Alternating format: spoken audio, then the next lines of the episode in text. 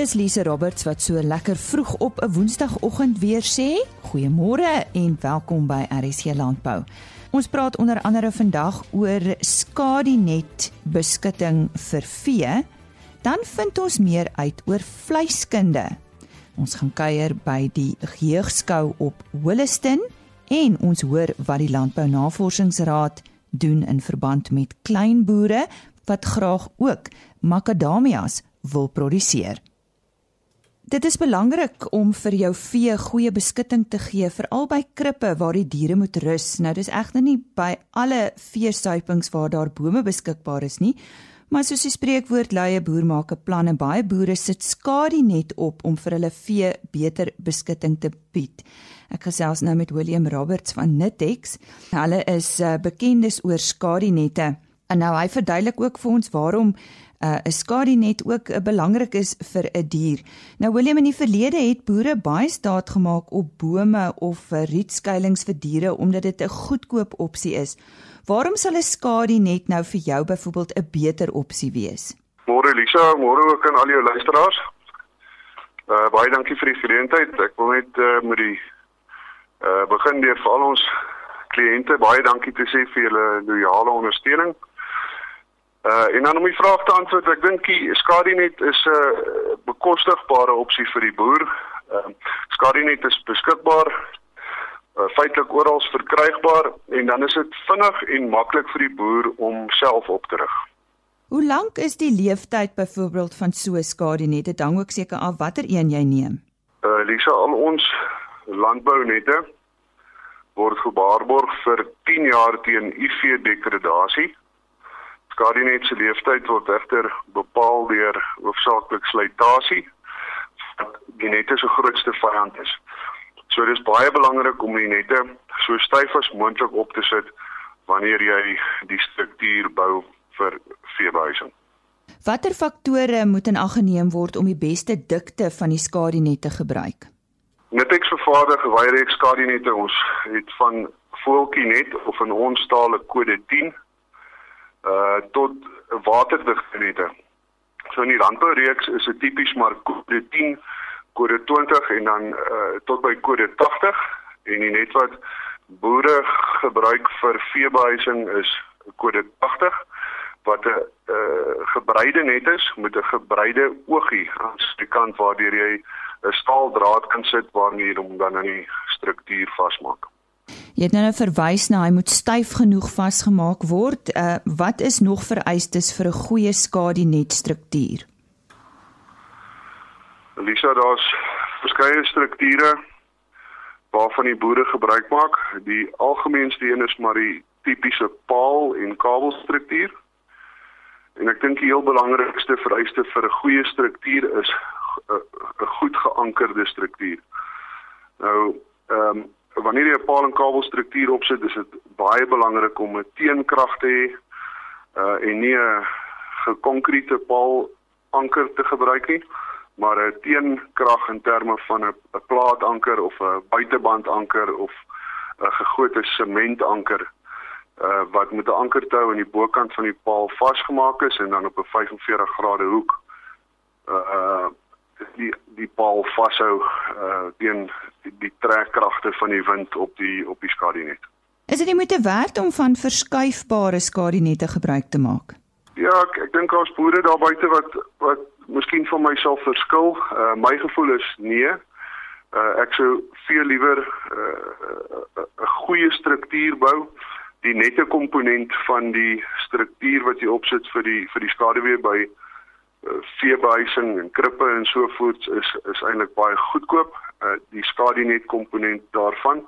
En uh, ek sou nie reken dat dit 'n goeie idee is om 'n verskuifbare struktuur uh, of 'n ontwerp rondom dit te doen nie. Dit is maar 'n permanente ding wat hy opsit. Soos ek sê, die nette is gewaarborg vir 10 jaar, die leeftyd is nader aan 15 jaar, ehm um, en dan die struktuur self is goed vir twee of meer stelle nette. So nee, ek sou reken dis dis meer 'n permanente struktuur en skaduwee wat jy wat jy skep. Nee, ja, dit waaroor ons ver oggend gesels het, is seker alles uh, beskikbaar op julle webtuiste. Wat is dit?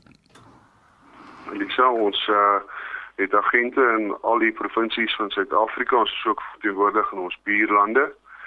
Ehm um, en uh, die boere daar buite is welkom om ons te Google by Multinet of www.multinet met 'n K N I T. Uh dat hier en ons ons agente en verteenwoordigers se kontakbesonderhede is per provinsie daar beskikbaar. Alternatiefelik uh is u baie welkom ons kantore te kontak in Johannesburg en uh te vra om met die regte persoon in die area te gesels. Daar sê herhaal net vir ons weer daai webtuiste asseblief Willem. Dis multinet.co.za. www.multinet.co.za. Ek het daar gesels met Willem Roberts van Nitex. Volgende aan die woord, Henny Maas. Ons uh, gaan nou so 'n bietjie oor vleis gesels en ons praat met uh, professor Lou Hofman van die uh, uh, departement vleiskunde aan die Universiteit van Stellenbosch. En uh, ons uh, wil by hom eers weet uh, wat wat presies behels vleiskunde lou? Wat enige moer moer aan jou les luisteraars. Die vleiskunde is eintlik die wetenskaplike studie van vleis en vleisprodukte. Uh, ander anders gestel, almal aanvaar die steak wat jy op die bord kry is sag en sappig, maar daar's 'n hele wetenskap agter dit om dit daar te kry. En die vleiskunde pas baie mooi aan binne die veekunde rigting want al die produksie, die teeling, voeding, al daai van die diere, die eindproduk daarvan is eintlik vleis. Het sy dit 'n skaap, 'n hoender of 'n bees is. En dan die ander faset daarvan is die ware toevoeging by vleis en hierso kom die voedselwetenskap meer na vore. So dit is so half die die eindproduk van al die insitte wat 'n tipiese veekundige sal gee is die einde van die dag 'n kwaliteitstuk vleis vir die verbruiker op sy bord. Jy praat van kwaliteitsvleis, uh is uh die Suid-Afrikaanse verbruiker so begaan oor sy kwaliteitvleis, byvoorbeeld vergeleke met die in Europa? Ek ek dink so maar ek ek ek begin agterkom hier binne in Suid-Afrika is daar twee groepe verbruikers, daar's die sogenaamde westerse verbruiker en dan die meer die die um, Afrika verbruiker. Nou die westerse verbruiker is tipies hy soek 'n sagte steak wat sag en sappig is. En daar moet die hele wetenskap inkom van veroudering en elektriese stimulering miskien tydens die slagproses alles om die vleis sagter te kry. Maar dit begin al hoe meer kom die Afrika groep en selfs groepe uit die ooste die Chinese. Vir hulle gaan dit nie so seer oor vleissnitte soos by die westers nie. Vir hulle gaan dit oor stukke vleis. So dan begin die taaiheid is is van minder belang. Dan is daar meer van belang die voedsaamheid van die vleis vir hulle eerder as 'n sagte een. Ek moet net bysê die die moderne verbruiker begin ook meer en meer vra vra rondom die dierewelsyn tydens die produksie van daai vleis. Met ander woorde, daai dier voor ek hom geslag het, was hy 'n gelukkige dier geweest en ons boere moet beslis meer en meer daarna begin kyk. 'n Voorbeeldjie van my PhD student het nou net gekyk na immunokastrasie by skape. So in plaas van dat jy rekkie aan sit, het hy ons gegaan en jy spuit um, 'n um, middel in en dit produseer die skaap produseer teenliggaampies en spuit jy 'n tweede middel in wat daai teenliggaampies aktiveer en dan sonder dat daar enige stres of enige fisiologiese strespyn is begin daai liggaampies die testies van die skaap um weg vreet as jy dit so wil stel maar die testies raak net al hoe kleiner en kleiner en dan jy geen van die negatiewe eienskappe op die vleis van taaiheid spesifieke smake wat jy by 'n ou ram sal kry of by 'n bil nie Ons praat van die eindproduk uh, as, as vleis wildvleis in Suid-Afrika Mense probeer al baie lank om wildvleis op mense se borde te kry. Dit gebeur nog nie eintlik nie, nê. Nee. Weet jy, dit is daar daar's 'n groot verandering nou. Ek doen baie navorsing op die wildvleis. En as ons net so vinnig na die wildbedryf per se kyk, meer as 'n derde van die oppervlak van Suid-Afrika wat geskik is vir vee, het eintlik wildboerdery op. En wat vir my interessant is, is die wildboere begin al hoe meer en meer veekundige beginsels toe te pas. Met ander woorde, seleksie vir 'n bil en groei tempo. Sy begin kyk na aanvullende voere of het sy dit 'n lek of nie. En dit is waar die veekundige se groot rol speel. Maar wat nou gebeur is soos met beeste of skape, jy het 'n 50-50% verhouding manlike en vroulike diere. Maar jy gaan nou weer tipies een blou wees bulle by 16 tot 30 koeie. Wat doen jy met daai surplus bulle? En al hoe meer begin jy ons kyk na daai bulle, wat is die moontlikheid om hulle in die vleisketting in te sit? Tot in met verlede jaar was die hoof verbruiker van daai vleis was 'n biltongjagter geweest.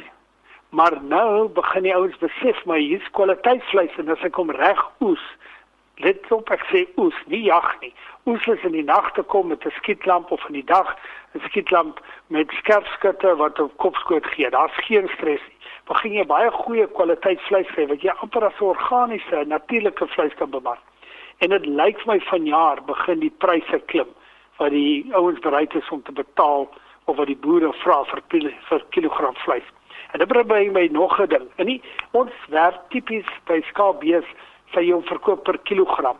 Maar baie van die boere het nog altyd gesê jy betaal my X bedrag vir 'n rooibokram of 'n springbokram in plaas van per kilogram.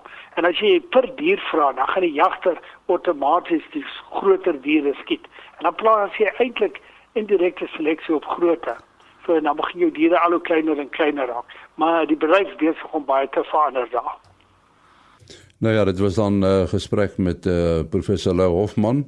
Hy is 'n uh, professor in vleiskunde aan die Universiteit van Stellenbosch. Dankie nie. Ons vind nou meer uit oor die ontstaan van die jeugskou op Holliston. Ons medewerker in die Noord-Kaap, Koos de Pisani, het vir ons hierdie bydrae saamgestel. As die jeugskou begin posvat in 'n gemeenskap, dan vat dit sommer behoorlik vlam en kort voor lank vorm die kinders en die ouers en almal wat betrokke is in die uh, hele familie wat hier dik en dun bymekaar staan. Die gemeenskap van Holliston het in die verlede 'n groot rol gespeel in die ontwikkeling en die vestiging van die skou. Herles Leroux is van jare in beheer van die jeugskou op Holliston en ek het met hom gesels oor die konsep van die jeugskou. Herles, hierdie konsep van die jeugskou in Suid-Afrika, hoe het dit tot stand gekom en hoe het um, Holliston betrokke geraak daarbey? Die jeugskou ding het ontstaan by eintlik by die Jersey Teelers Vereniging. Hulle het begin om kinders te gebruik om hulle diere te vertoon. Toe in 1999 het hulle die nasionale jeugskoolvereniging gestig en in 2000 was die kampioenskappe in Bloemfontein waar Wollaston se eerste mense betrokke was. Dit was Isak en Greta van der Kolf en hulle is toe nou met 'n paar kindertjies, letterlik 'n paar kindertjies as hulle hier op, ek dink dit was sewe kinders gewees is hulle Bloemfontein toe. En die jaar daarna is die eerste keer wat ek betrokke geraak het. Ek en Isak is groot vriende en toe lyk dit vir my na iets wat nou vir my trigger omdat ek lief is vir kinders en ek is baie lief vir die diere. En dit is toe nou my twee meisiekinders is toe nou daai tyd baie klein nog, maar hulle twee het ook lus vir deelneem. En so raak ek toe betrokke in help vir Isak hulle en daarvan af is ek tot nou toe nog as ek betrokke by hierdie ding. Die ehm um, gedagte of die uitkomste ehm um, wat die organiseerders aanvanklik gehad het met die jeugskou. Wat is dit? Hoekom het hulle begin met die jeugskou? Hierdie ding se hele begin het ontstaan omdat die mense wat slimmer is as ek het 'n behoefte gesien by die jeug om geprikkel te word vir landbou. Met hierdie ding het ons nou probeer om landbou na die kinders toe te bring. Hierdie kinders wat in dorpe is en stede is, en nie die voorreg het om kontak te hê met die diere fisies nie. En dit is toe waar hierdie ding toe nou sy plek toe nou vol staan en die kinders is blootgestel aan diere en dorpskinders, stadskinders het in die het op die landbou verlief geraak as gevolg van jeugskool. Nou dink jy die ehm um, organiseerders het, het geslaag aan hierdie doelwitte wat wat hulle vir hulle self gestel het? Daarvan is ek doodseker. Ons het uh, hier by ons was 'n seun gewees, 'n breinseun gewees, wil ek sê uit die minder bevoorregte klas uit. Hy het by sy ouma groot geraak, hy het nooit eers sy pa geken nie. Die jeugskou het toe vir die kind die selfvertroue gegee laat hy gesien het daar's iets wat hy ook kan regkry. En hierdie kind is vandag is hy 'n area bestuurder by Pioneer Foods. Ek is doodseker as hy nie die blootstelling gehad het, hy sou nooit by hierdie ding uitgekom het nie. Dan 'n pragtige voorbeeld dink ek is Bruiten Milford, ons huidige nasionale voorsitter van Jeugskou.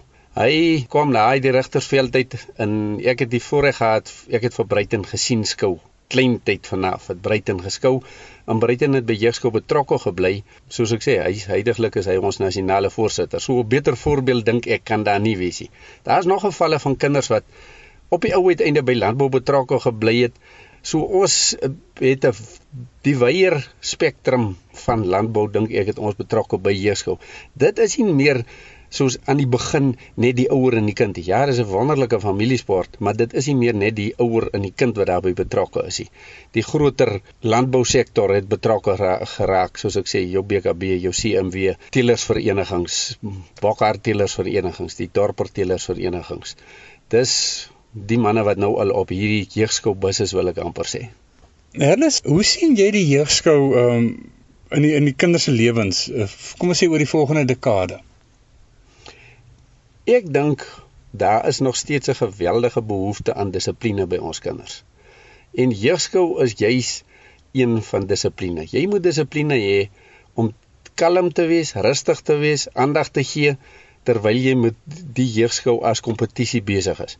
Maar jy moet rustig wees en jy moet kalm wees en wanneer jy 'n die dier hanteer. Soos ek sê, die kinders het 'n behoefte aan dissipline en dit is dissipline wat vir jou hierdie goed op die ou uiteinde maak werk kinders tot sover toe dit is nou 17 jaar wat ek betrokke daarbey is. En nog elke keer as ek nuwe mense by die jeugskool kry, soos verlede jaar by die nasionale kampioenskappe in Bathurst, het ek weer 'n nuwe ouer gekry en dit vir my gesê, "Haai, wie jy, die jeugskool kinders is ander kinders." En kinders wat by jeugskool betrokke raak, is regtig kinders met bitter goeie dissipline. Ja, jy kry hier en daar maar jou uitskietertjies, maar alles bitter bitter bitter min. Hulle raak ook weg. Die kinders met die dissipline, dis hulle wat aanhou en dis hulle wat op die ou uiteinde gaan en hulle raak beoordelaars. Daar's van ons kinders wat geskou het, wat daai tyd begin geskou het wat nou al by nasionaal beoordeel het. So hulle gaan deur die ranks, hulle raak nie weg nie. Hulle verloor nie jeugskou nie. Jeugskou verloor hulle nie. Wat vir ons wonderlik is. Dit is die stem van Herlis Leroux en hy is in beheer van die jeugskou op Holliston en Koos de Pisani het met hom gepraat en ons sal die res van die week nog van die onderhoude vanaf die jeugskou op Holliston uitsaai. Die landbousektor in Suid-Afrika het heelwat uitgebrei oor die laaste 40 jaar. Nou dit het egter nie die uitdagings waarmee veral ontwikkelende produsente sit verminder nie. Artjan Verskoor van die Landbou Navorsingsraad vertel ons nou watter insig 'n gevalle studie in Limpopo by makadamia produsente oor hierdie uitdagings gelewer het.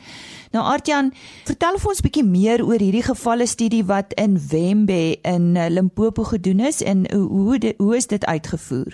Môre Lise, ja, ek vertel graag oor hierdie projek. Dit is 'n samewerkingsprojek tussen die Landbou Navorsingsraad die Universiteit van Amsterdam, die Universiteit van Limpopo en Subtrop, die die kommoditeitsorganisasie dit dit is aksienavorsing. Ons wou 'n bietjie meer begrip kry oor hoe werk die kleinskalige vrugteboere in die area rondom Toyondou. Uh mense wat nou die area ken sal nou weet dit is dit is net so noord van Lewobo waar baie makadamias groei en waar die waar die bedryf geweldig gegroei het oor die afgelope paar dekades. Uh die area is agro-ekologies ideaal vir vir makadamia en daar's definitief geleentheid vir nuwe toetreders, ook ook kleiner skaal toetreders en dis hoekom ons in in 2012 daar rond begin kyk het en en en met rolspelers begin praat het en toe uiteindelik 'n vraelys met so 140 kleinskalige huishoudings uh opgeneem het wat met vrugte boer en ons het toe heelwat lesse geleer oor die realiteite van hierdie mense. Ja, ons praat van lesse. Wat is die uitdagings wat julle hier uitgeïdentifiseer het?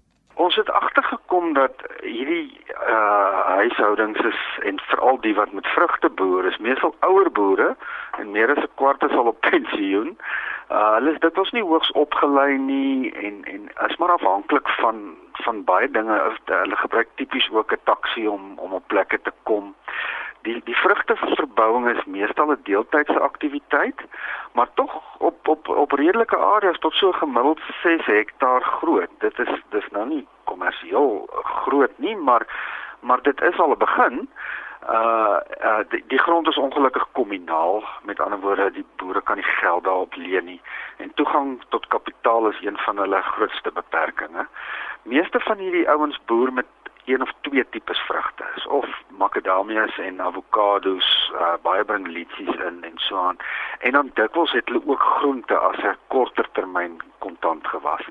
Al, al hierdie boere interessant genoeg verkoop van hulle produkte meestal dan in die omgewing en informeel en as jy nou in die area rondry dan sien jy daar's baie mense, daar's baie informele markte. Uh maar dis dis 'n interessante area. Die grootste beperking wat hierdie mense het om om om uit te brei gaan oor toegang tot dienste. Dan spesifiek kapitaal, water is 'n probleem, pestbestryding, toerusting en so aan. Sewe van die voorste ontwikkelende makadamia produsente is ook in die proses geïdentifiseer. Uh, brei vir ons 'n bietjie uit oor hulle boerdery. Ja, ons wou te spesifiek op die makadamia ouens uh, fokus En en toe het ons saam met die departement sewe mense geïdentifiseer wat tipies is en wat wat wat geleentheid het om uit te brei. Vyf mans en twee vrouens. Hulle is almal al meer as 30 jaar in die gebied en die meeste van hulle is bo 50. Daar's een jong man wat wat wat daar boer met wie ons op heel wat tyd spandeer. Uh almal is is is redelik afgeleë. Hulle is minstens 20 km van 'n winkel af en hulle tussen 5 en 40 hektaar makadamias almal wil uitbrei, almal bemark amptelik, uh, almal huur ook arbeid en gebruik kapitaal en almal is redelik goed verbind met met voorligters en en bronne van inligting. Is hierdie boerdery dan hulle enigste vorm van inkomste? Uh nee, dit is nie dit dit is nie. Baie van hulle kry ook 'n pensioen een of twee doen iets anders soos motorwerktuigkundige maar hulle vrugteboerderye is by verre die grootste bedryf al die ander goedjies pas maar daarbey aan. So die macadamias is die grootste vertakking waarmee hulle besig is. Ontvang hulle enigsins ondersteuning van die regering en en hoe loop die proses Ja, hulle hulle kry hulp van die departement van landbou. Uh dit was net vir ons moeilik om te verstaan hoe presies dit werk want dit lyk vir ons baie lukraak. Uh almal in die gebied sal byvoorbeeld drie sakkies kunsmis kry of of 'n bietjie gifstof vir 'n vir 'n pes. Uh terwyl van hulle baie groter is as ander. So daar is nie uh ondersteuning gebaseer op die spesifieke onderneming nie. En dit pla ons 'n bietjie. Dit kan aangespreek word. Ek verneem julle het 6 sleutelareas geïdentifiseer wat krities is vir die lewensvatbaarheid van makadamia produksie. Wat is dit? Ja, ons het so 2 jaar gelede saam met die Subtrop mense en 'n paar van die navorsers van Nelspruit, die tropiese instituut van die LNR, het ons het ons letterlik tyd gevat en by elke boer gaan kuier en deur sy boorde geloop en gesels. En ons het uitgevind dat een van die grootste goed is maar boordvloer higiëne. Dit die die kommersiële boere weet ook presies waarvan ek praat. Dit gaan daaroor dat dit moet skoon wees in die boord, maar daar moet 'n deklaag onder die bome wees. En ons praat van deklaag bewerking. Die Engelse woord is mulching. Ons almal ken dit. En dit is baie belangrik en van hierdie klein boere doen dit pragtig. Dan is die ander uh uh wat noem mense dit nou sleutelareas is is byvoorbeeld enting hoe moet hoe moet jy beter bome kry deur swakker bome te ent met beter bome? Dit was die tweede belangrike area. Snoei is baie belangrik, hoe om reg te snoei sodat die bome nie te hoog groei nie, hoe om optimaal te bemes en dan pestbeheer geweldig belangrik. Dis 'n groot groot groot probleem in die in die makadamia probleem. Dit is 'n kritiese area in die makadamia bedryf. En dan die ene wat ons as die mees belangrike geïdentifiseer het, gaan oor naoesversorging. Dit gaan spesifiek oor hoe beheer jy die kwaliteit van jou neute voordat jy hulle nou verkoop. Ons gesels nou oor makadamia produksie in die algemeen. Die behoud van gehalte is is baie belangrik. Wat behels dit? Kyk, uh die, die neute word geoes hier van Februarie af tipies. En in in daardie area van Limpopo, Venda, Wembe, Levubu is dit baie warm en vogtig in daai tyd. En as jy die as die neute afval of afgehaal word, uh, partykeer word hulle bietjie aangehelp, dan moet mense hulle so vinnig as moontlik onthul. Mens moet die in die die hulsel afkry en dan moet jy hulle droog so vinnig as moontlik. Anderster is daar probleme met swamme en so aan. So dit dis die gehalte issue. Jy moet so vinnig as moontlik uh die neute droog kry. Waarom is die vervoer van neute na fabrieke so 'n uitdaging? vir hierdie produsente is dit vir alle uitdaging want hulle is so 'n bietjie verder as die as die kommersiële boere van die verwerkingsaanlegte af en dit is vir hulle nie altyd so maklik nie. Hulle moet 'n trok dikwels huur en die ouens met die trokke wil nie graag na hierdie afgeleë plasies toe gaan nie. Die paaie is swak en en dis is vervoer taamlik duur. En hoe word dit dan bestuur? Wat die boere doen is hulle gaar dan nou maar die neute op. Hulle kyk die die die die die oes prosedure vind oor 'n paar maande, definitief 'n hele klompie weke plaas. So hulle gaar nou die neute op op die plaas. Maar as hulle dit nie effektief droog kry nie, dan verloor die neute kwaliteit en dit is hulle grootste probleem. Dan dan kry hulle swak pryse uiteindelik omdat die kwaliteit van hulle neute nie goed is. So uh, hoe hulle dit bestuur is deur dit op te gaar en so goed as moontlik te stoor, te droog eers, maar maar dit is die kwelling uh, en dit is wat ons eintlik uh, graag wil ons aanspreek. So watter ander faktore bepaal dan die prys wat hulle vir hulle neute kry op die ou end? Wel dit is dit dit is dis eintlik die belangrike ding is kwaliteit. Kwaliteit en op en, en natuurlik hoeveelheid. So wat ons gedoen het, ons het gesê maar jong, as kwaliteit dan die groot beperking is en as dit dan nou moeilik is vir hierdie klein boere om koste-effektief die goed gereeld te vervoer, uh wat doen ons? En ons het met die landbouingenieurs van die LNR gaan praat en hulle het vir ons 'n drogingsstruktuur ontwerp. Basies 'n 30 vierkante meter uh kamer met 'n skoorsteen waardeur die lug dan redelik effektief vloei en en wat dan vinnig die neute kan droog. En toe het ons gaan befondsing soek en ons het by die Nieu-Seelandse Hoë Kommissie uh, uitgekom en hulle het het het vir ons befondsing gegee en ons gaan nou vier van hierdie drogingsstrukture oprig en dan nou vier onthulsers ook by vier van hierdie sewe boere. En dan gaan ons nou dit die die proses monitor om te kyk hoe gaan dit nou gaan van nou af. Uh goed Aartjan, ons moet nou haas afsluit. Uh as ons nou na al hierdie data kyk wat julle ingesamel het en die projek, waarna kan ons nou uitsien en waarna kan produsente uitsien?